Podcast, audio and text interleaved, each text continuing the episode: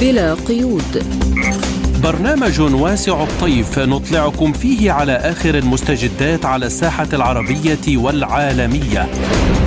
حصريا من إذاعة سبوتنيك. ومن سبوتنيك نرحب بكم مستمعينا في كل مكان إلى هذه الحلقة الجديدة من بلا قيود. نصحبكم فيها. أنا نغم كباس. وأنا فرح القادري والبداية بأبرز العناوين. فرنسا تدعو لقبول عضوية أوكرانيا في الناتو. روسيا وقطر تبحثان تعاون ثنائي في الطاقة والصناعة والزراعة. مواجهة بين أهالي الجولان السوري المحتل والشرطة الإسرائيلية بسبب توربينات الرياح. الأمن الفيدرالي الروسي يحذر من إعادة إحياء داعش الإرهابي المحظور في روسيا الاتحادية في دول المغرب العربي. لازلتم تستمعون إلى برنامج بلا قيود. نبدأ التفاصيل مما نقلته وسائل إعلام فرنسية عن مصدر في الحكومة. قال إن باريس غيرت موقفها بشأن انضمام أوكرانيا إلى حلف الناتو وتعتبر الآن هذه الفرصة المناسبة لقبول عضويتها من أجل ضمان مستقل لأمن كييف. ورأى المصدر أنه قد يؤدي التلميح إلى هذا الاحتمال إلى إقناع الرئيس الأوكراني فولوديمير زيلينسكي بالدخول إلى مفاوضات عندما يرى ذلك مناسبا اعتمادا على نتائج الهجوم المضاد. لكن الرئيس الأمريكي جو بايدن كان قد قال إنه من أجل الانضمام إلى الناتو يجب أن تفي أوكرانيا بنفس الشروط والمتطلبات كبقية دول الحلف ولن تجعل الولايات المتحدة هذا المسار أسهل بالنسبة لكييف.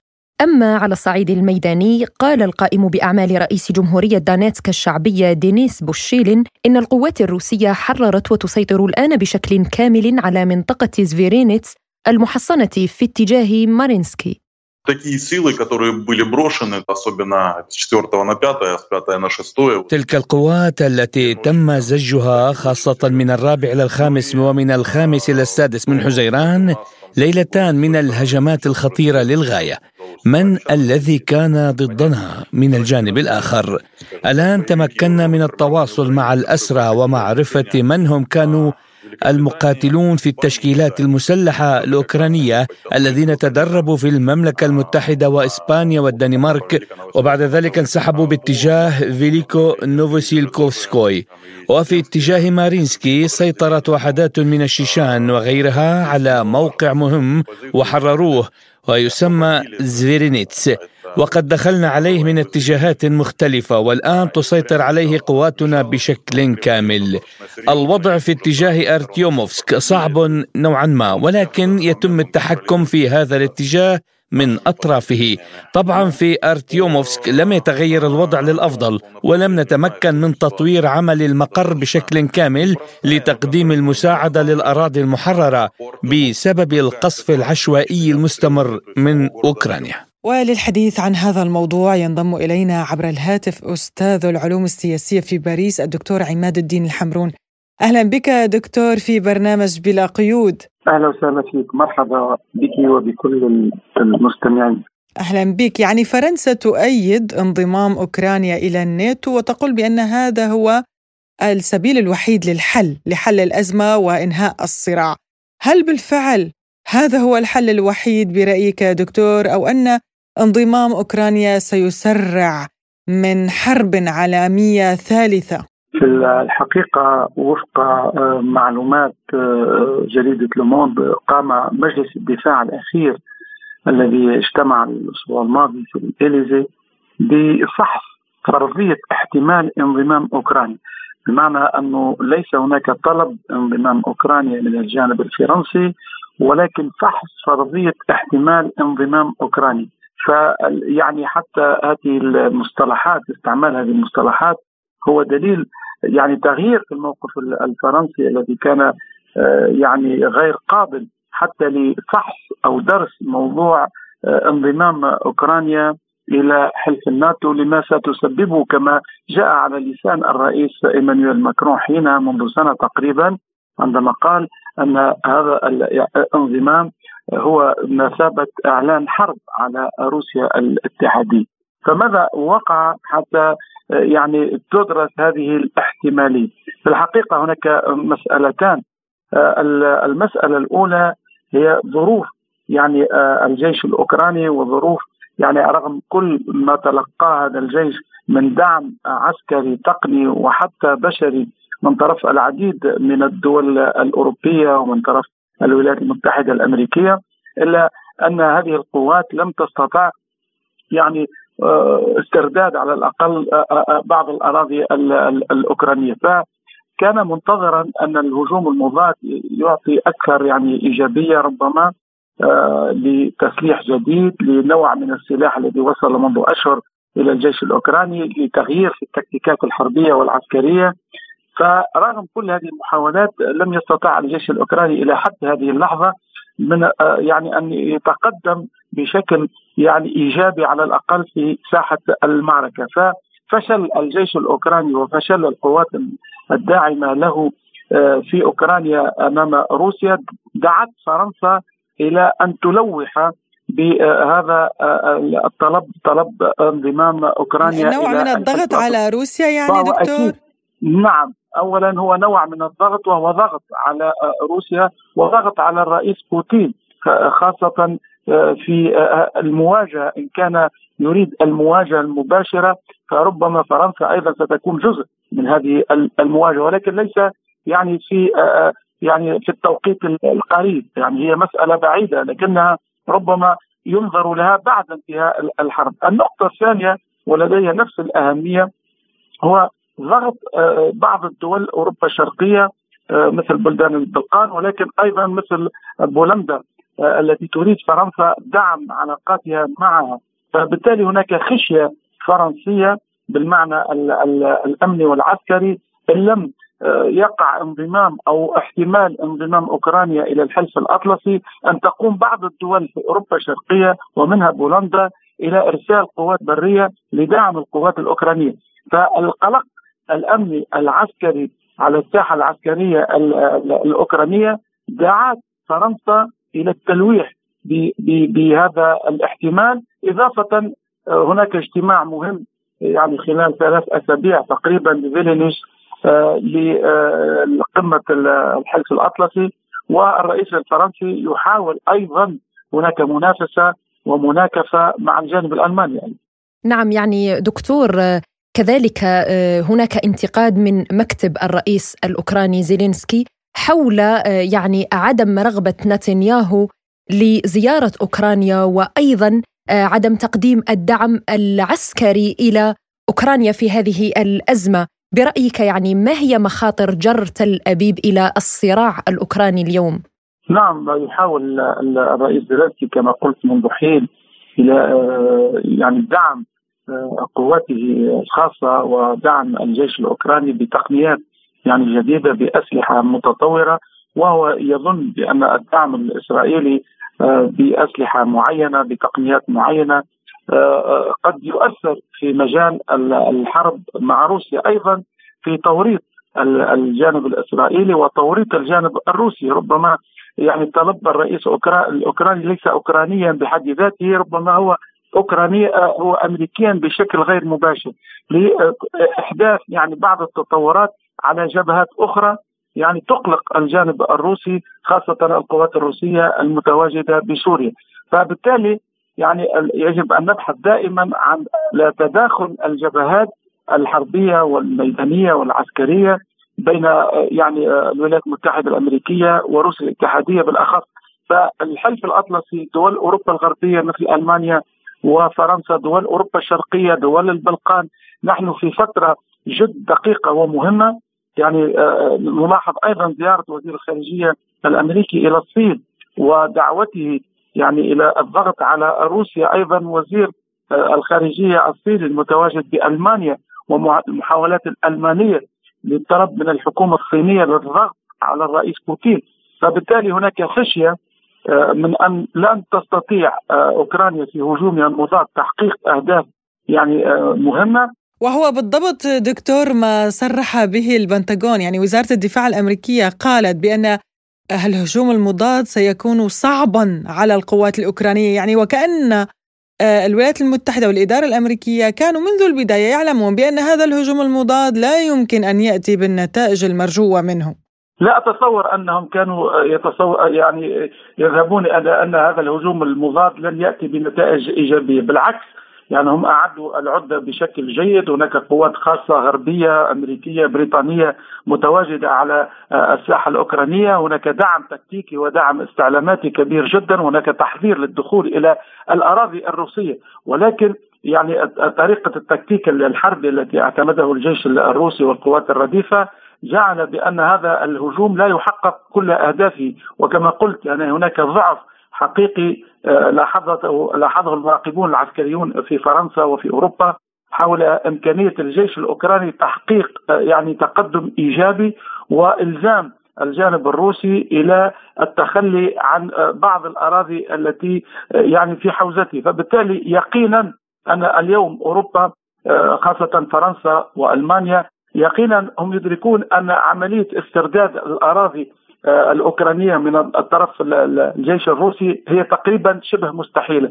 فهناك تفاوض آه، تحت النار وهناك تفاوض بالمعنى الاستراتيجي مع الجانب الروسي. إن واصلت روسيا يعني في تعنتها بهذا الشكل بالمعنى العسكري والأمني والسياسي فإن ربما الولايات المتحدة الأمريكية وحلفائها يعني في آه، أوروبا الغربية سيدعمون طلب انضمام أوكرانيا إلى الناتو. ولكن في نفس هذا يعني الوقت ربما الرئيس بوتين يستفيد أيضا آه، من هذا التصريح الفرنسي أمام يعني الشعب الروسي عندما يعني آه، آه، يظهر بأنه كان على حق في هذه الحرب لأن الحلف الأطلسي والولايات المتحدة الأمريكية هدفها الوصول إلى الحدود الروسية وربما إلى تفكيك روسيا الاتحادية، فبالتالي هناك مسألة عميقة جدا بالمعنى العسكري الأمني على حدودية إمكانية الجيش الأوكراني في مواجهة الجيش الروسي رغم تدفق الأسلحة والإمكانيات التقنية الكبيرة. فإما أن نذهب إلى مواجهة أكبر يعني خارج حتى حدود أوكرانيا أو أن نصل إلى مفاوضات سياسية ترغم الجانب الأوكراني على الجلوس مع الجانب الروسي. نعم دكتور يعني أشرت إلى نقطة مهمة آه، أعود إليها هي دعوة الصين من قبل القادة الأوروبيين للضغط على الرئيس بوتين يعني للجلوس إلى طاولة المفاوضات مع الجانب الأوكراني وإنهاء الصراع. هل تعتقد أنه بإمكان الصين اليوم أن يكون لها دور فاعل في هذه المبادرة وهل الأوروبيون اليوم يعني سيقبلون هذه المبادرة الصينية مبادرة السلام؟ من الملاحظ في محادثات وزير الخارجية الصيني في ألمانيا أن خلال محادثاته وحتى تصريحاته لم يشر لا من قريب ولا من بعيد إلى الحرب في أوكرانيا هو تكلم على التعاون الاقتصادي التعاون المالي التعاون التجاري بين ألمانيا والصين بين الصين والاتحاد الأوروبي ولم يشر لا من قريب ولا من بعيد إلى المسألة الأوكرانية فماذا يدل؟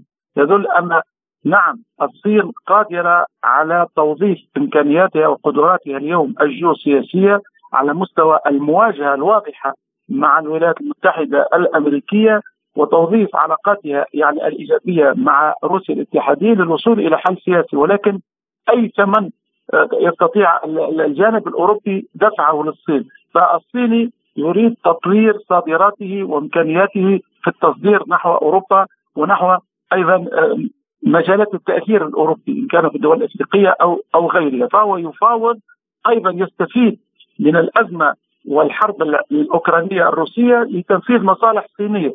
والجانب الأوروبي يعتقد بأن الصين حليف يعني ثمين جدا للرئيس بوتين خاصة في المجال الاقتصادي والمجال الطاقة ودعم اقتصاد آه، آه، الروسي. فبالتالي هناك إمكانية للصين لكي تكون آه، وازنا في إيجاد الضمانات لأن الرئيس بوتين يريد ضمانات والرئيس زيلينسكي يريد استرجاع يعني ما أخذته روسيا فبالتالي هناك عوائق كثيرة قادره الصين لإيجاد هذه الضمانات هل الوقت هو الآن في الوصول إلى المفاوضات المباشرة الروسية الأمريكية الأوروبية أم أن الوقت ما زال على مستوى الجبهة العسكرية لتحقيق أهداف معينة للوصول إلى المفاوضات. الجانب قراءة الجانب الفرنسي الجيوسياسية والعسكرية تقول أن ممكن تحقيق بعض الأهداف العسكرية من هنا إلى يعني هذه الطائفة والدخول يعني في مفاوضات مباشرة مع الجانب الروسي والأمريكي والصيني. ربما ستكون مفاوضات رباعية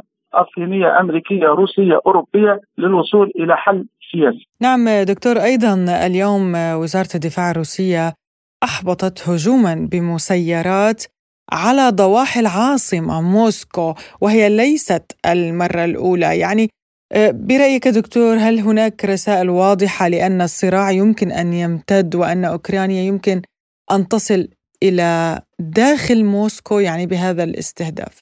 نعم بالتأكيد نعم آه، وقد آه، أشرت في بداية حديثي إلى وصول يعني أسلحة متقدمة وتقنيات يعني متقدمة أيضا في سلاح الجو وليس فقط سلاح دفاعي ولكن سلاح هجومي. وهناك قوات خاصة آه، غربية من دول غربية معروفة تعرفها الاستخبارات الروسية.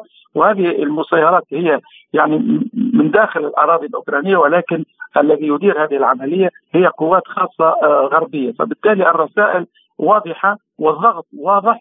في التوقيت. هناك رسائل يعني ترسل إلى الجانب الروسي. هناك انتظارات ربما داخل روسيا لإيجاد بعض القلاقل يعني الاجتماعية والسياسية. في انتظار ما ستؤول إليه يعني اجتماعات القمة قمة الحلف الأطلسي في فيلنيوس في الثاني عشر من شهر يونيو القادم. هناك تحضير إما للمواجهة إما لتوسيع المواجهة أو للجلوس والتفاوض السياسي، هل الرئيس بوتين جاهز لأن يتفاوض؟ على ماذا سيتفاوض؟ ومع من سيتفاوض ال- ال- الأمريكي والأوروبي يحاول أيضا الضغط على زيلينسكي لأنه ربما الرئيس زيلينسكي لم يعد الورقة المهمة لدى الجانب الأمريكي. فبالتالي هناك تداخل في الوضع الداخلي الأوكراني الأوروبي وهناك أيضا تداخل مع الوضع السياسي الداخلي في الولايات المتحدة الأمريكية. ولكن من الظاهر من يعني تصريحات المسؤولين الأمريكيين وجولاتهم في آه، بعض البلدان وأيضا الوفود وفد الاتحاد الإفريقي برئاسه رئيس جنوب إفريقيا الذي يعني كان في كييف ثم تحول إلى موسكو. آه، هناك محاولات يعني عربية أيضا من طرف المملكة العربية السعودية الجامعة العربية لإيجاد يعني بعض النوافذ والحلول السياسية، لكن هل هو الوقت المناسب؟ الجانب الأمريكي لا يعتبر الآن وقتا مناسبا لفتح التفاوض، ولكن ربما يعتقد الجانب الأمريكي والجانب البريطاني بأن يجب عليهم تحقيق إنجازات عسكرية للدخول مع مفاوضات رسمية وجدية مع الجانب الروسي. نعم دكتور يعني عماد الدين في سؤال أخير هناك ضابط بولندي قال أن الجنود الأوكرانيون لا يبدون أي يعني حماس في التدريب برأيك اليوم هل فهم الأوكرانيون أنهم هم الخاسر الأول والأخير في هذه العملية العسكرية الروسية الخاصة في أوكرانيا؟ نعم بالتأكيد بالتأكيد يعني بعد كل هذه الأشهر من المواجهات القاتلة والقاسية جدا على الشعب الأوكراني ومعاناة الشعب الأوكراني والجنود والضباط الأوكرانيون هم الآن يعني لديهم من اليقين أنهم لا يدافعون عن أرضهم هم يدافعون على مصالح آه، أمريكية بريطانية غربية فبالتالي أيضا آه، هذا التعب النفساني والتعبئه المعنوية بدأت تنقص لدى الجيش الأوكراني لكن دعيني أقول أن تصريح الضابط البولندي هو إشارة أيضا إلى إمكانية دخول قوات برية بولندية أو غير بولندية إلى الأراضي الأوكرانية، فهذا هو الخطر، الخطر أن تتحول الساحة الأوكرانية إلى ساحة مواجهة أوروبية روسية. نعم شكرا جزيلا لك أستاذ العلوم السياسية في جامعة باريس الدكتور عماد الدين الحمرون. شكرا لك على هذه المداخلة. شكرا لك. إلى اللقاء.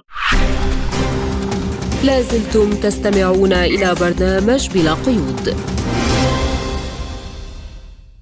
وإلى العلاقات الروسية القطرية إذ بحث رئيس الوزراء الروسي ميخائيل ميشوستين مع نظيره القطري محمد بن عبد الرحمن آل ثاني في موسكو القضايا المهمة للتعاون الاقتصادي والتجاري والثقافي والإنساني بين البلدين والتركيز على تنفيذ المشاريع المشتركة في قطاعات الطاقة والصناعة والزراعة وغيرها. وكان السفير الروسي في الدوحة ديمتري دوجاتكين قد قال إنه على الرغم من الضغوط الخارجية الهائلة فإن قطر لم تنضم إلى العقوبات المفروضة على روسيا ولا تزال أكبر مستثمر عربي في الاقتصاد الروسي. مشيرا إلى أن حجم الاستثمارات القطرية المباشرة يتجاوز 20 مليار دولار. ولمناقشة هذا الموضوع ينضم إلينا عبر الهاتف من الدوحة أستاذ العلاقات الدولية الدكتور علي الهيل. أهلا بك دكتور علي في برنامج بلا قيود. ونبدأ من هذه المباحثات بين رئيس الوزراء الروسي ونظيره القطري اليوم هنا في موسكو. برأيك هذا الاجتماع هل هو تمهيد لتعاون اقتصادي أكبر مع العالم العربي؟ نعم نحن نشهد منذ سنة تقريبا دخولا تدريجيا لدول المنظومة الخليجية ودولة قطر ليست استثناء لعالم متعدد الاقطاب ولعالم البريكس ولعالم منظمة دول شنغهاي. وأيضا آه، نلاحظ اهتماما كبيرا بهذا العالم متعدد الاقطاب الذي بدأ يتشكل منذ آه، بداية الحرب في آه، أوكرانيا. وهذا أمر يبشر بالأمل ويبشر بالتفاؤل. لأن دول الخليج آه، العربي ودول العالم العربي والشرق الأوسط ودول كثيرة في على مستوى العالم بدرجات متفاوتة عانت كثيرا منذ انهيار الاتحاد السوفيتي من تحكم القطب الواحد الذي تقوده آه، الولايات المتحدة الأمريكية وبريطانيا بالتحديد وبدرجات متفاوتة دول الاتحاد الأوروبي. وقطر كما لاحظت يعني آه، استاء الأوروبيون والأمريكيون عندما وقعت عقدا لإمداد الصين على سبيل المثال بالغاز لمدة 30 سنة. وأيضا التقارب القطري الروسي بدأ منذ زمن منذ طالبت منذ أيام الحصار عندما طلبت دولة قطر شراء آه، منظومة صواريخ دفاعية إس 400 وبما أن تركيا حصلت عليها حصلت عليها دولة قطر لأن تركيا شريك استراتيجي لتركيا. والآن أصبحت روسيا شريكا استراتيجيا.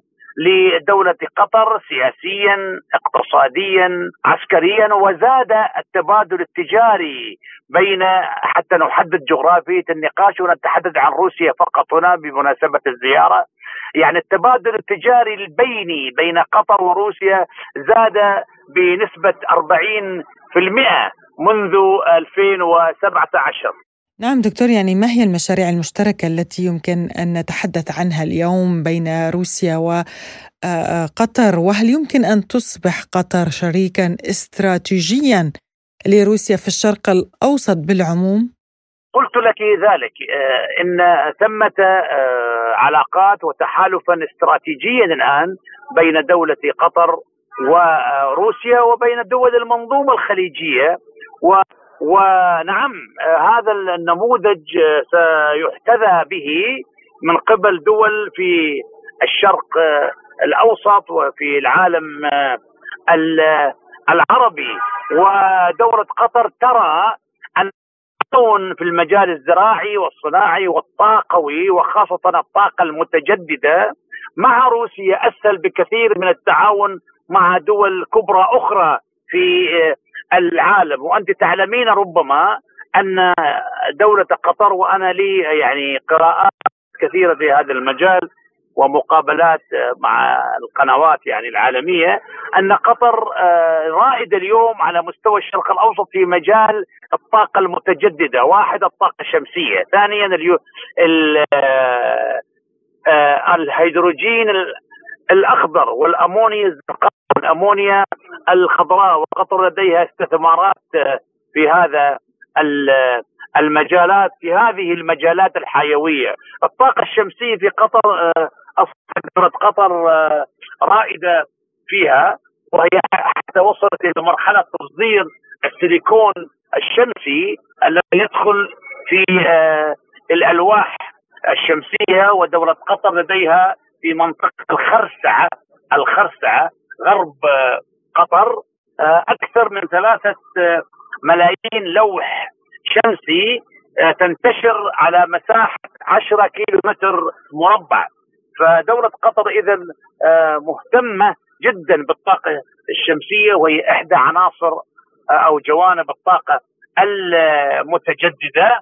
وروسيا أيضا ثمة استفادات بين روسيا وقطر في هذه المجالات وفي المجال الزراعي. يعني نحن في قطر منذ 2017 عندما تعرضنا للحصار كنا بدأنا نردد قولة جبران أو مقولة جبران. ويل لأمة تأكل مما لا تزرع وتصنع وتلبس مما لا تصنع أو مما لا تنسج. فنحن عندنا اهتمامات بصناعة غذائنا ودوائنا وسلاحنا. هذه هي الخطة الاستراتيجية القطرية. ولذلك التعاون مع روسيا وفي هذه الزيارة لا يخرج عن هذا الإطار نعم يعني دكتور علي من خلال المجالات التي ذكرناها سابقا كيف سيكون رد فعل الغرب برأيك على هذا التقارب بين موسكو والدوحة؟ في رأيي أن دولة قطر ودول الخليج وعلى رأسها السعودية لم تعد تصغي للغرب لأن الغرب معروف بمعاييره المزدوجة والكيل بمكيالين والاهتمام بنشر الثقافة المثلية الجنسية وهذه كلها يعني أشياء لا تعجب لا الشعب الشعوب في الخليج العربي ولا تعجب الشعب القطري والشعب القطري ليس استثناء من ذلك والاستياء الأوروبي والأمريكي موجود ولكن لم تعد أمريكا لها القبضة القوية على القرار السياسي القطري والخليجي كما كان في عهد الرؤساء الأمريكيين. السابقين يعني ما بعد الرئيس الأمريكي دونالد ترامب. وفي هذه الإدارة الإدارة الحالية إدارة الرئيس جو بايدن ساءت كثيرا العلاقات القطرية الأمريكية وإن لم يظهر للعلم بشكل واضح والعلاقات الخليجية الأمريكية. كما قلت لك نتيجة الاهتمام الأمريكي المبالغ فيه بنشر الثقافة الجنسية ومحاربة الفطرة التي جبل الله الناس عليها وبالتالي محاربة الإسلام يعني. نحن الإسلام هو ديننا ونحن آه، مقتنعين بأن محاربة الإسلام هي محاربة لله سبحانه وتعالى. وأيضا أيضا لأن آه، روسيا لأن آه، الولايات المتحدة الأمريكية بالتحديد وبريطانيا لديهم مواقف متشددة تجاه المقاومة في فلسطين وتجاه المستوطنات. يعني بدلا من يعني لم نسمع تصريحا امريكيا أو بريطانيا يجرم بناء المستوطنات ويقول إنه عمل غير مشروع والقانون الدولي يجرم بناء المستوطنات. في حين ان روسيا لا. روسيا تقول إن القانون الدولي بشكل واضح إن القانون الدولي يجرم بناء المستوطنات وهذه المستوطنات ليست مشروعة ولا بد للعودة لحل الدولتين. طبعا أمريكا وبريطانيا تقول ذلك ولكن ليس إسرائيل لم تدع فرصة لإقامة الدولتين. يعني تعلم دكتور أن اليوم تستضيف كازاخستان محادثات استنا حول سوريا وتركيا مقربة من قطر وهي طرف في هذه المحادثات، هل يمكن أن نشهد تطبيعا للعلاقات بين سوريا وتركيا وقطر برعاية روسية؟ يمكن أن يحدث ذلك ولكن عندما نلاحظ تطورا كبيرا كما هو حادث الآن في العلاقات القطرية الروسية والتي توجت بزيارة رئيس الوزراء وزير الخارجية القطري الشيخ محمد بن عبد الرحمن الثاني واجتماعه بسعاده رئيس معالي رئيس الوزراء آه، الروسي. هذا موضوع يختلف عن موضوع آه، الملف القطري السوري. الملف القطري السوري يعني قطر لم تصوت ضد إعادة سوريا في القمة العربية في الرياض آه، قبل أسابيع إلى جامعة الدول العربية. ولكن في الوقت نفسه كان التصريح كان الموقف القطري واضحا من غير أن آه، يصرح به وهو آه، أننا جئنا إلى قمة الرياض من أجلكم يا سعودية ولكننا انسحبنا من أجلنا لأن النظام السوري لم يفي بالشروط آه، التي آه، طلبتها دولة آه، قطر وهي عودة المهجرين جميعا وضمان أمنهم وسلامتهم وإشراك السوريين في في المصالحة الوطنية وأن يكون لهم دور في بلدهم. وأظن أن الموقف السوري بدأ يتراخى في هذا آه، الجانب لمصلحة آه، عودة العلاقات القطرية السورية والعلاقات التركية السوريه كما تفضلت لأن قطر وتركيا لاعبان رئيسيان اولا في المنطقة وعلى مستوى العالم العربي والشرق الأوسط والعالم، وثانيا لأن دولة قطر وتركيا لديهما علاقات استراتيجية على المستوى السياسي والاقتصادي والعسكري والجوانب الأخرى كذلك. نعم. نعم أستاذ العلاقات الدولية الدكتور علي الهيل شكرا لك على هذه المداخلة كنت معنا من الدوحة. لازلتم تستمعون إلى برنامج بلا قيود. وإلى ما يحدث في الجولان السوري المحتل إذ أصيب العشرات من أهاليه في مواجهات مع الشرطة الإسرائيلية خلال تحرك جديد لهم واحتجاجهم ضد مصادرة أراضيهم لبناء مشروع المراوح الهوائية. وتدور المواجهات لليوم الثاني على التوالي والتي تأتي على خلفية مشروع لبناء مراوح هوائية في المنطقة الزراعية الشرقية والتي تقع بين قرى المجدل ومسعدة وعين قنية وعززت قوات الأمن والشرطة الإسرائيلية قواتها بوحدات خاصة عند كل مداخل ومفارق في الطرق المؤدية إلى منطقة المشروع وأقامت حواجز هناك. لمناقشة هذا الموضوع أكثر نستضيف معنا الباحث وخبير العلاقات الدولية والأزمات الدكتور محمد نادر العمري. أهلا وسهلا بك دكتور في بلا قيود اليوم. كل التحية لك وللسادة المستمعين ومتابعين برنامج بلا قيود. نبدأ يعني مباشرة مما يحدث في الجولان السوري المحتل. آه، برأيك يعني هل سيؤدي هذا إلى تصعيد أكثر للأوضاع من أهالي المنطقة لمواجهة السلطات الإسرائيلية؟ يعني أعتقد بأن اليوم هذا المشهد يشهد يعني يشابه كثيرا ما حصل في الثمانينات عندما قامت قامت حكومات الاحتلال الإسرائيلية بمحاولة فرض الهوية الإسرائيلية على المواطنين السوريين في الجولان المحتل ورفضهم لهذه الهوية وحصل في تلك الفترة احتجاجات عارمة على مستوى المناطق المتواجد بها السوريين في الأراضي المحتلة في الجولان الكريم وبالتالي يعني أعتقد بأن الكيان الإسرائيلي اليوم يسعى من خلال زرع أو نشر التوربينات في مناطق التي يتواجد بها السوريين فقط في المناطق التي يتواجد آه، بها أهالي المناطق. يعني ليس في المناطق التي قام آه، بتهجير آه، مواطنيها خلال السنوات السابقة بل يعني في المناطق التي يتواجد أو ما زالت ما زال المواطنين السوريين متواجدين بها في الجولان المحتل وذلك لتحقيق ثلاث نقاط أساسية. ثلاث أهداف آه، أساسية.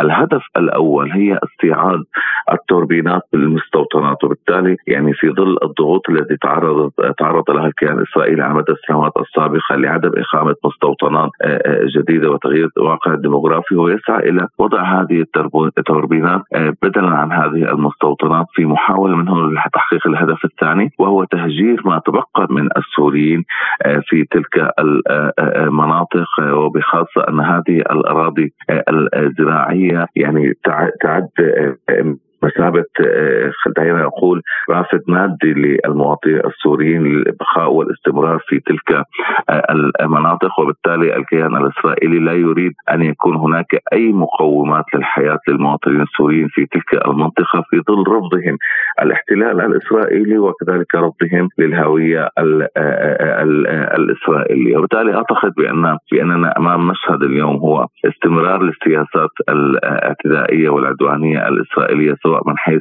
الاعتداء على مواطنين عزاز سواء من من حيث فرض الأمر الواقع على المواطنين السوريين والنقطة الثالثة أيضا يعني يجب أن لا ننسى بأن هناك في في تل أبيب حكومة فاشية تسعى بشكل أو بآخر لاستقطاب كل اليمين المتطرف وأرضاء أهواء اليمين المتطرف والذي يسعى إلى توسيع دائرة المستوطنات وكذلك استمرار بسرقه الأراضي المحتله. أيضا من النقاط البارزة في هذا الإطار الآخر هو التصدي ال ال ال يعني البطولي لأهالينا في جولان المحتل لهذه الممارسات. وأنا أعتقد بأننا أمام مشهد قد يعني هو استكمال لما يحصل في جنين فيما يحصل في الضفه الغربية ما حصل في السابق في قطاع غزة. وبالتالي أعتقد بأن السياسات السياسات العدوانية للكيان الاسرائيلي قد تدفع المواطنين السوريين في هذه المناطق باستخدام كل أدوات المقاومة. حتى لو بأبسط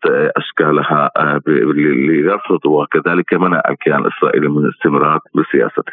نعم دكتور نشهد مقاومة شجاعة من الأهالي إن كان في الجولان أو في جنين يعني برأيك كيف يمكن للسلطات الإسرائيلية الرد على هذه الاحتجاجات كلها إن كان في جنين أو في الجولان يعني يسعى الكيان الاسرائيلي استخدام القوة الفائضة بشكل دائم. كل دول العالم آه، في في محاولتها لحل الأزمات أو لفرض سياساتها تلجأ إلى 99 خيار سياسي ومن ثم تذهب إلى الخيار العسكري كخيار إلا الكيان الإسرائيلي. دائما لديه الحلول والخيارات العسكرية واستخدام فائض القوة إن صح آه، التوصيف لترهيب المواطنين السوريين والفلسطينيين وحتى آه، اللبنانيين في مرحلة معينة. في محاولة منه لفرض أمر الواقع في محاولة منه لسلب الأراضي بالقوة اللي في محاولة أيضا لزرع الخوف لدى آه، يعني شعوب هذه المنطقة، اليوم المقاربات تغيرت، لم تعد سياسة القوة ولم تعد سياسة استخدام القوى الفائضة هي لصالح الكيان الإسرائيلي لأن حتى معادلة التوازن على مستوى الصراع العربي الإسرائيلي أو العربي مع أو الإسرائيلي مع محور المقاومة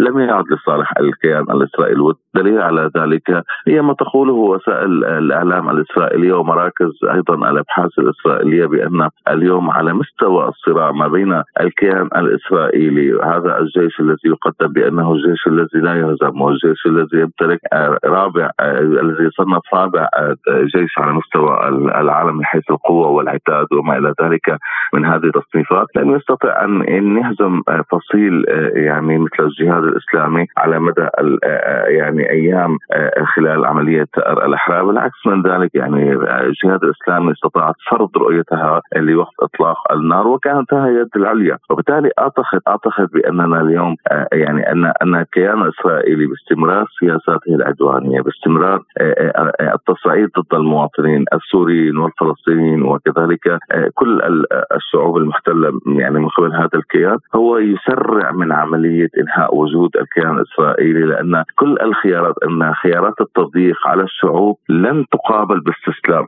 بل هي تقابل بالبحث عن وسائل المقاومة بشتى آه، آه، يعني أشكالها. فضلا عن ذلك بأن اليوم الدولة السورية هي ربما تتحرك خلال الأيام القادمة في مجلس الأمن. أيضا قد يكون هناك أيضا ضغط روسي وبالتالي يمكن استخدام العديد من الوسائل لردع الكيان الإسرائيلي. ولكن أعتقد بأن يعني اليوم آه، يعني هذا ما تقوم به الكيان الإسرائيلي في جولان وفي الأراضي العربيه الفلسطينية المحتلة وبخاصة الضفة الغربية يسرع أمام انتفاضة جديدة سواء داخل الأراضي الفلسطينية أو ربما قد نشهد انتفاضة داخل أراضي الجولان المحتل في رفض لكل السياسات الإسرائيلية. وعلى الكيان الاسرائيلي أن يتحمل يعني آه، آه، تداعيات ما تقوم به حكومة الاحتلال الفاشي. نعم يعني هل هذا تحذير لتل أبيب من استعداد العرب بأي شكل من الأشكال؟ مقاومة الأعمال الإجرامية للسلطات الإسرائيلية بحق الأهالي في الجولان والضفة الغربية كذلك.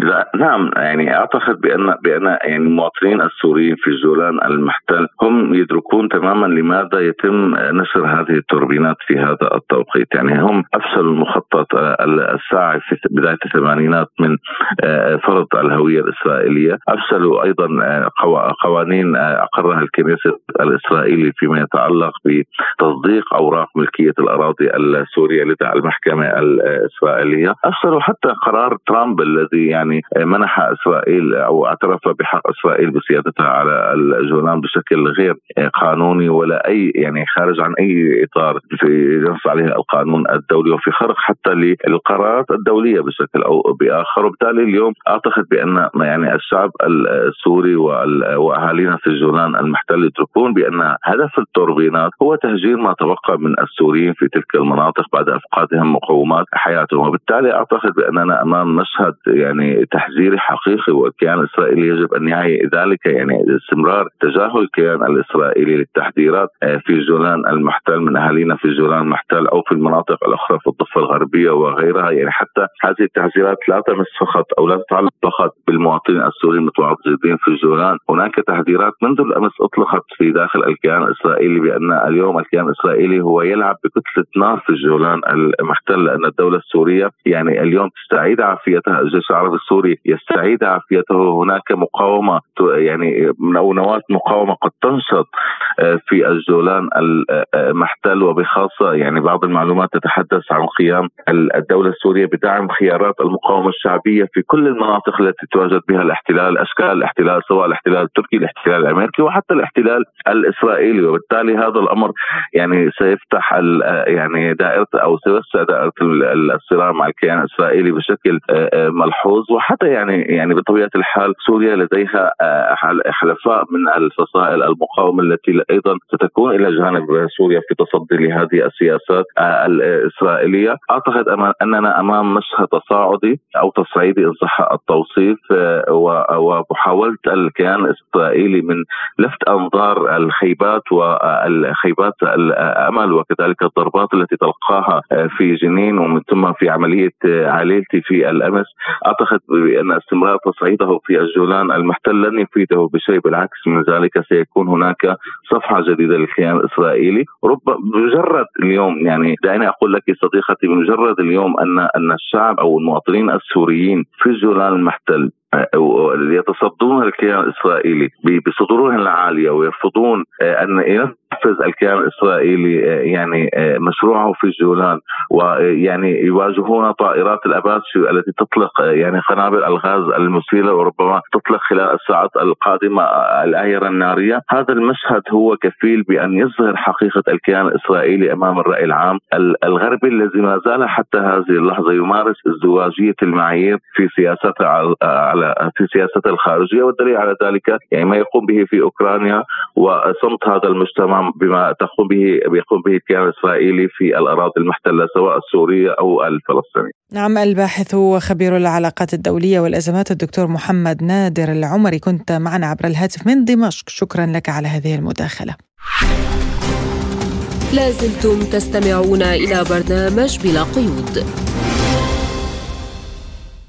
وننتقل إلى دول المغرب العربي إذ أعلن نائب مدير جهاز الأمن الفيدرالي الروسي إيغور سيروتكين أن هناك خطرا حقيقيا من استنساخ تنظيم داعش الإرهابي المحظور في روسيا الاتحادية في المغرب العربي وساحل شمال غرب أفريقيا. وقال سيروتكين على الرغم من الهزيمة العسكرية للإرهاب الدولي في الشرق الأوسط فإن الوضع هناك لا يزال متوترا خاصة في شمال وشمال شرق سوريا. ولا يزال هناك خطر جسيم يتمثل في ظاهرة المقاتلين الإرهابيين الأجانب الذين يجدون تطبيق الخبرة القتالية المكتسبة في سوريا والعراق في مناطق أخرى حيث أنه بسبب ظروف مختلفة يتم اضعاف الدولة. وأضاف أيضا أنه نتحدث اليوم في المقام الأول عن القارة الإفريقية وفي مقدمتها الجزء الغربي منها حيث تتحول أراضي المغرب العربي والساحل الغربي لإفريقيا إلى بؤرة التهديد الإرهابي الإسلامي مما يخلق خطرا حقيقيا يتمثل في إعادة تجسيد نظام داعش في نسخة الخلافة الأفريقية. ولمناقشة هذا الموضوع أكثر ينضم إلينا عبر الهاتف البروفيسور إدريس عطية أستاذ العلوم السياسية بجامعة الجزائر. أهلا بك بروفيسور معنا في برنامج بلا قيود. أهلا وسهلا بك وتحية طيبة لك ولكل مستمعي إذاعتكم الكريمة. يعني دعني آه، أبدأ معك دكتور من هذه التصريحات الصادرة عن جهاز الأمن الفيدرالي الروسي بخصوص إعادة إحياء تنظيم داعش الإرهابي في القارة الإفريقية. برأيك هل ستستمع الدول المعنية إلى روسيا؟ وما الإجراءات التي يمكن اتخاذها لتجنب هذا النشاط الداعشي؟ أعتقد أن روسيا تفهم جيدا صناعة الإرهاب في منطقة شمال إفريقيا وفي منطقة المغرب العربي وساحل إفريقيا على وجه الخصوص لأن الإرهاب بالنسبة لهذه المناطق هو إرهاب وافد ليس إرهاب مرتبط بالواقع المعيشي للإنسان المغاربي أو الإفريقي بصفة عامة على أساس دائما أن الشريعة الدينية السمحاء هي تقوم على مفهوم الاعتدال والوسطيه وبالتالي ترفض الغلو في الدين والتطرف. واليوم المقاربة الروسية هي تريد أن تكون بالمرصاد للمقاربات الغربية التي ظلت تاريخيا تجعل من الإرهاب فزاعة كبيرة من أجل التدخل في الدول الشمال الافريقيه ومنطقة الساحل الإفريقي وعموم القارة الإفريقية بحجة مكافحة الإرهاب على غرار ما دابت عليه الولايات المتحدة الأمريكية. وفرنسا وبعض القوى الغربية. بطبيعة الحال الأمن الفيدرالي الروسي هو يراقب التطورات الامنيه في المنطقة واليوم في إطار الاستراتيجية الجيو عالميه لروسيا من أجل المطالبة بعالم متعدد الأقطاب وإعطاء لروسيا مكانتها المستحقه يدخل هذا الاهتمام الأمني في صميم التوجهات الأمنية الجديدة لروسيا وعلى رأسها كما أشرت لمكافحة الإرهاب، لكن بطبيعة الحال أن الإدراكات في المنطقة مختلفة لأنه الجزائر التي تمتلك أعتقد مقاربة آه، واضحة ومقاربة فعلية وناجعه في مكافحة الإرهاب بل انه العالم اليوم ينظر الجزائر كمدرسة من مدارس مكافحة الإرهاب على المستوى الإفريقي والمستوى الجهوي والمستوى دولي على أساس دائما أن الجزائر مرت بعشريه سوداء وعانت من ويلات الإرهاب وهذا ربما غير متطابق مع تصورات مكافحة الإرهاب مع دول الجوار سواء نتحدث على المغرب الذي للأسف هو منخرط في الاستراتيجيات الغربية وأصبح نقطة جيوستراتيجية لتنفيذ بعض الأجندات الخارجه عن المنطقة على رأسها الأجندات الصهيونية والفرنسية. وحتى الإسبانية والأمريكية نفس الشيء بالنسبة لبقية الدول التي تعاني من الهشاشة النسقيه وبالتالي أن إدراك جماعي آه، واضح آه، هو غائب للأسف بين دول المنطقة رغم انه أيضا الجزائر.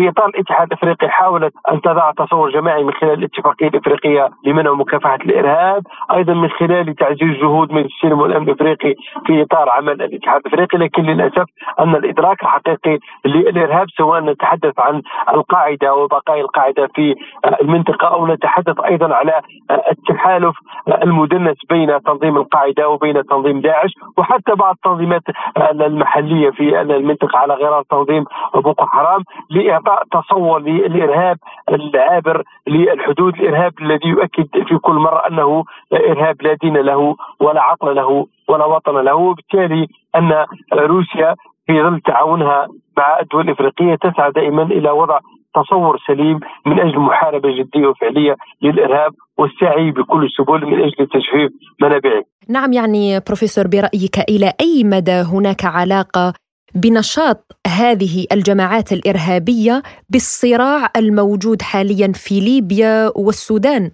الأمر ربما الخطير والذي يكاد يكون متشابه بين ليبيا والسودان هو وفرة عنصر السلاح لأن السلاح متواجد بكثرة في ليبيا رغم الجهود الدولية خاصة آه، القائمة بحظر تسليح ليبيا وضبط عملية آه، انتقال هذه الأسلحة إلا أن آه، وفرة السلاح يعتبر خطر جد نفسي اليوم يحدث في ظل الصراع بين الأشقاء في السودان بين الجيش النظامي السوداني وبين قوات الدعم السريع والجميع لديه أسلحة كبيرة وبالتالي انتشار هذه الأسلحة سوف يشكل خطر. إلى جانب أن تفكك ليبيا والتخوف من تفكك وانهيار الدولة في السودان قد يخلق مناطق فراغ للعديد من الميليشيات العسكرية والجماعات الإرهابية وبالتالي تكون هذه المناطق حاضنة حقيقية للإرهاب وعلى رأسها كما أشرت دائما التنظيمات التي مرتبطة بداعش خاصة أن داعش التي فشلت في منطقة الشرق الأوسط خاصة في العراق وفي سوريا وفي كثير من المناطق خاصة بعد ما استعاد النظام.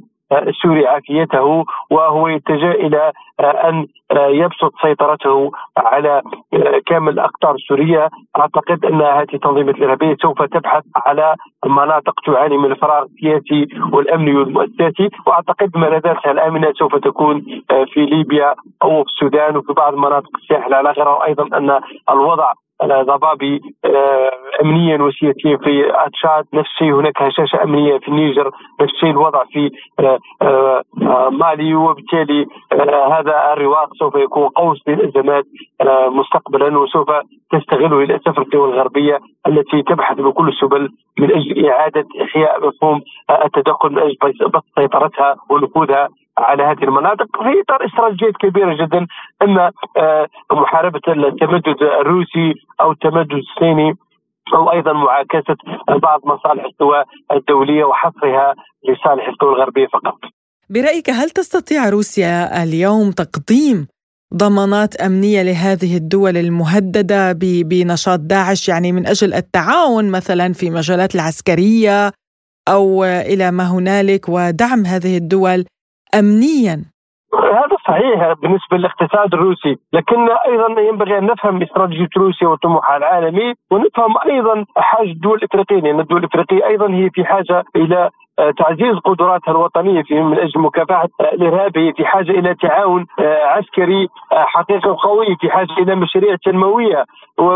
وهذا ما يجعلها ربما تقترب من المحور الروسي أكثر من المحور الغربي. على أساس ان المحور الغربي تعود للأسف على تهميش مواضيع التنمية، على التركيز على مواضيع أمنية، على استغلال الثروات وهذه الدول على اختراقها، لكن هناك كما اشرت أن إفريقيا وشمال إفريقيا بالأساس أصبح بمثابه حلبة الصراع بين هذه الأطراف آه، الدولية في الجميع يبحث على مصالحه والجميع ينظر ربما إلى الصفقات التي آه، تخدم منطقة ولا تخدم آه، مصالح هذه الدول الإفريقية. أعتقد أنه اليوم روسيا هي لها اتفاقيات عسكرية وأمنية مع ازيد من 30 دولة إفريقية وهذا الرقم مرشح للارتفاع. أيضا انه الكثير من الدول أبرمت صفقات أسلحة مع روسيا. من أجل أيضا تعزيز قدراتها في مكافحة الإرهاب لكن الأمر أيضا يحتاج إلى اهتمام أبرز وإلى جهود كبيرة جدا من أجل خلاص إفريقيا من الفقر والإرهاب والجريمة المنظمة.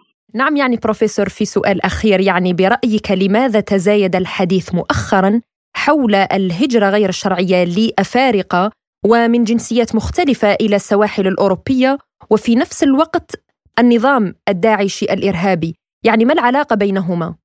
بالفعل أنا أشرت إلى صناعة الإرهاب وحقيقة هنا نتحدث على مفهوم واسع ونتحدث على صناعة اللا امن وأن الكثير من التهديدات الأمنية أصبحت في الاساس تهديدات أمنية هجينة تربط بين اللاجئين والإرهابيين أو بين المهاجرين والإرهابيين وتحاول اشتغال على كل هذه العناصر سواء الفقر أو الأوضاع المادية لتوظفها لأنه داعش أعتقد هي تختلف على الأقل في آه، كيفية تجنيدها لهؤلاء الإرهابيين وتظنهم ك ربما أشخاص موظفين لهم رواتب ولهم آه، أرباح ولهم عوائد آه، مالية ولهم نظام اجتماعي ولهم العديد من المزايا داخل هذا التنظيم. وبالتالي الإرهاب هو يحاول في كل مرة أن يلبس ثوب اللاجئين وأعتقد انه الجزائر تعاني كثيرا من هذه الظاهرة انه الكثير من الإرهابيين يحاولون أن يتسللون مع اللاجئين أو مع المهاجرين تحت غطاء الأوضاع الإنسانية. لكن في الأساس أن هؤلاء مجندون من أجل القيام بعمليات ومن أجل آه، يعني تحقيق أجندة خبيثه آه، على حساب أمن هذه الدول وعلى حساب آه، استقرارها. وبالتالي إنه اليوم هذه الجهود ينبغي أن تكون متضافرة أن تكون هناك رؤية موحدة للإرهاب حد ذاته في تعريفه ورؤية أيضا موحدة من خلال مكافحة الإرهاب بوسائل منطقية ووسائل قابلة للتطبيق. وبالتالي أن هذه التهديدات الهجينة كلها يعني تضع المنطقة في الخانة الحمراء وتؤثر على استقرارها بشكل كامل وأن اليوم كثير من الدول أصبحت تتحدث على ضرورة تثبيت أركان هذه الدول وعلى تحقيق الاستقرار الشامل على أساس أنها هو الأرضية التي يمكن من خلالها منع الإرهاب والسعي دائما إلى تجفيف منابعه سواء أراد استغلال المهاجرين واللاجئين أو أيضا أراد تجنيد عناصر جدد عن طريق دائما اختراق اختراقهم ذهنيا وفكريا وتجنيدهم في إطار دائما هذه التنظيمات الإرهابية آه، العالمية العابرة للحدود والتي تسعى دائما إلى توظيف هذه المكونات سواء كانت مكونات محلية أو مكونات أجنبية وهنا نقصد المكون البشري فعلى الأقل داعش انها مكوناتها هي متعدد الجنسيات وأغلب ربما هذه العناصر البشرية هي ليست إفريقية وإنما جاءت من الشرق الأوسط أو جاءت من دول أخرى. البروفيسور إدريس عطية أستاذ العلوم السياسية بجامعة الجزائر شكرا لك على هذه المداخلة. لازلتم تستمعون إلى برنامج بلا قيود ومن السياسة إلى الاقتصاد والتعاون الروسي الصيني في مجال النفط حيث ارتفعت شحنات النفط الروسي إلى الصين في الفترة من يناير إلى مايو بنسبة 23.7% على أساس سنوي وبلغت حوالي 42.1 مليون طن.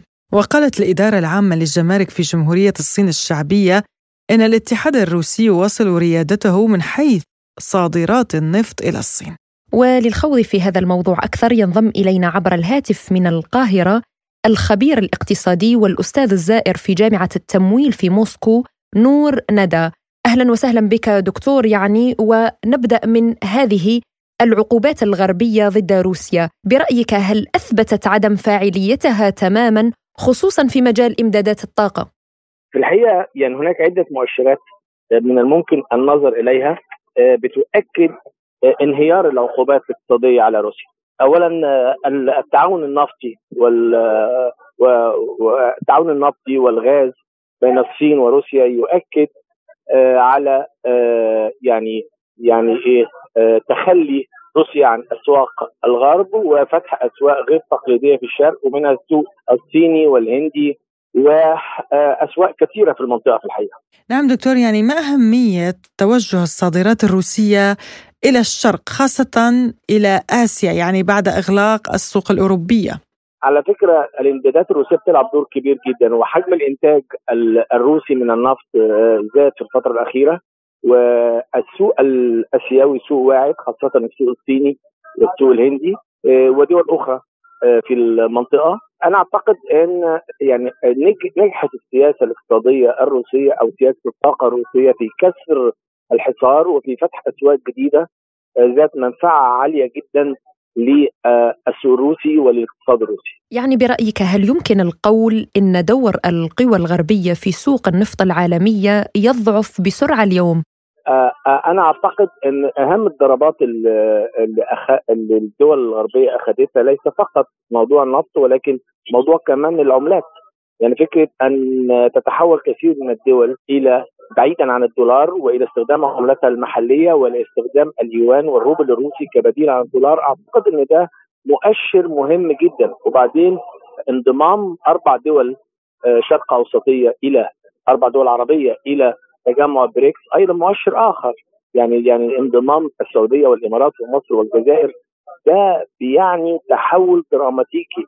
داخل تكتل بريكس وبيؤكد أن الحصار الغربي على روسيا سواء كان الحصار الاقتصادي أو النقدي أو حتى الحصار في مجال الطاقة أصبح ليس ذو فائدة وأعتقد ارتد إلى الاقتصاد الغربي وده ممكن نلاحظه من عدد البنوك الأمريكية التي تغلق وعدد الشركات الألمانية وألمانيا تعتبر الاقتصاد الأقوى في أوروبا.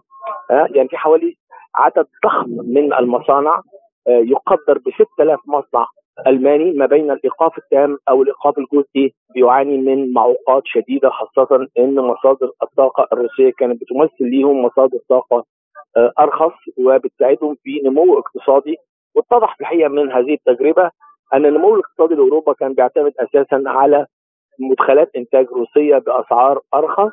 الولايات المتحدة الأمريكية استغلت هذا الموقف وبتبيع أوروبا آه، بالنفط بأسعار مرتفعة جدا والغاز أيضا بأسعار مرتفعة جدا وهذا ما دعا الرئيس الفرنسي نفسه إلى أن يعبر عن ذلك روح في أحد مقابلاته الرسمية. يعني دكتور قطر وقعت اتفاقية غاز ضخمة مع الصين طويلة الأمد أيضا رئيس الوزراء القطري اليوم في موسكو يبحث التعاون في هذا المجال الغازي والنفطي يعني هل يمكن أن نشهد تحالفا غازيا بين الصين وروسيا وقطر ربما تنضم له مصر أيضا؟ أعتقد إن هناك آه، مؤشرات آه، إيجابية لأن هذا التحالف في إطار التكوين الآن ولكنه قد يصبح حقيقة في المستقبل. وإن كان خليني أقول لك إن يعني آه، سواء كان القطريين أو حتى المصريين رغم إن أنا مصري ولكن بتحركهم المصلحة الوطنية. وبالتالي كل ما الروس استطاعوا إن هم يعظموا المنافع لهذه الدول والروس قادرين على ذلك أعتقد هذه الدول سوف تزداد اقترابا من الموقف الروسي ومن السياسة الخارجية الروسية. نعم شكرا لك الخبير الاقتصادي والأستاذ الزائر في جامعة التمويل في موسكو نور ندى على هذه المداخلة. نعم وبهذا مستمعينا الكرام نصل وإياكم إلى ختام حلقة اليوم من برنامج بلا قيود قدمناه لكم أنا فرح القادري وأنا نغم كباس وللمزيد من متابعة برامجنا وأخبارنا. زوروا موقعنا الإلكتروني سبوتنيك dot ae وقناتنا على تيليجرام. سبوتنيك عربي.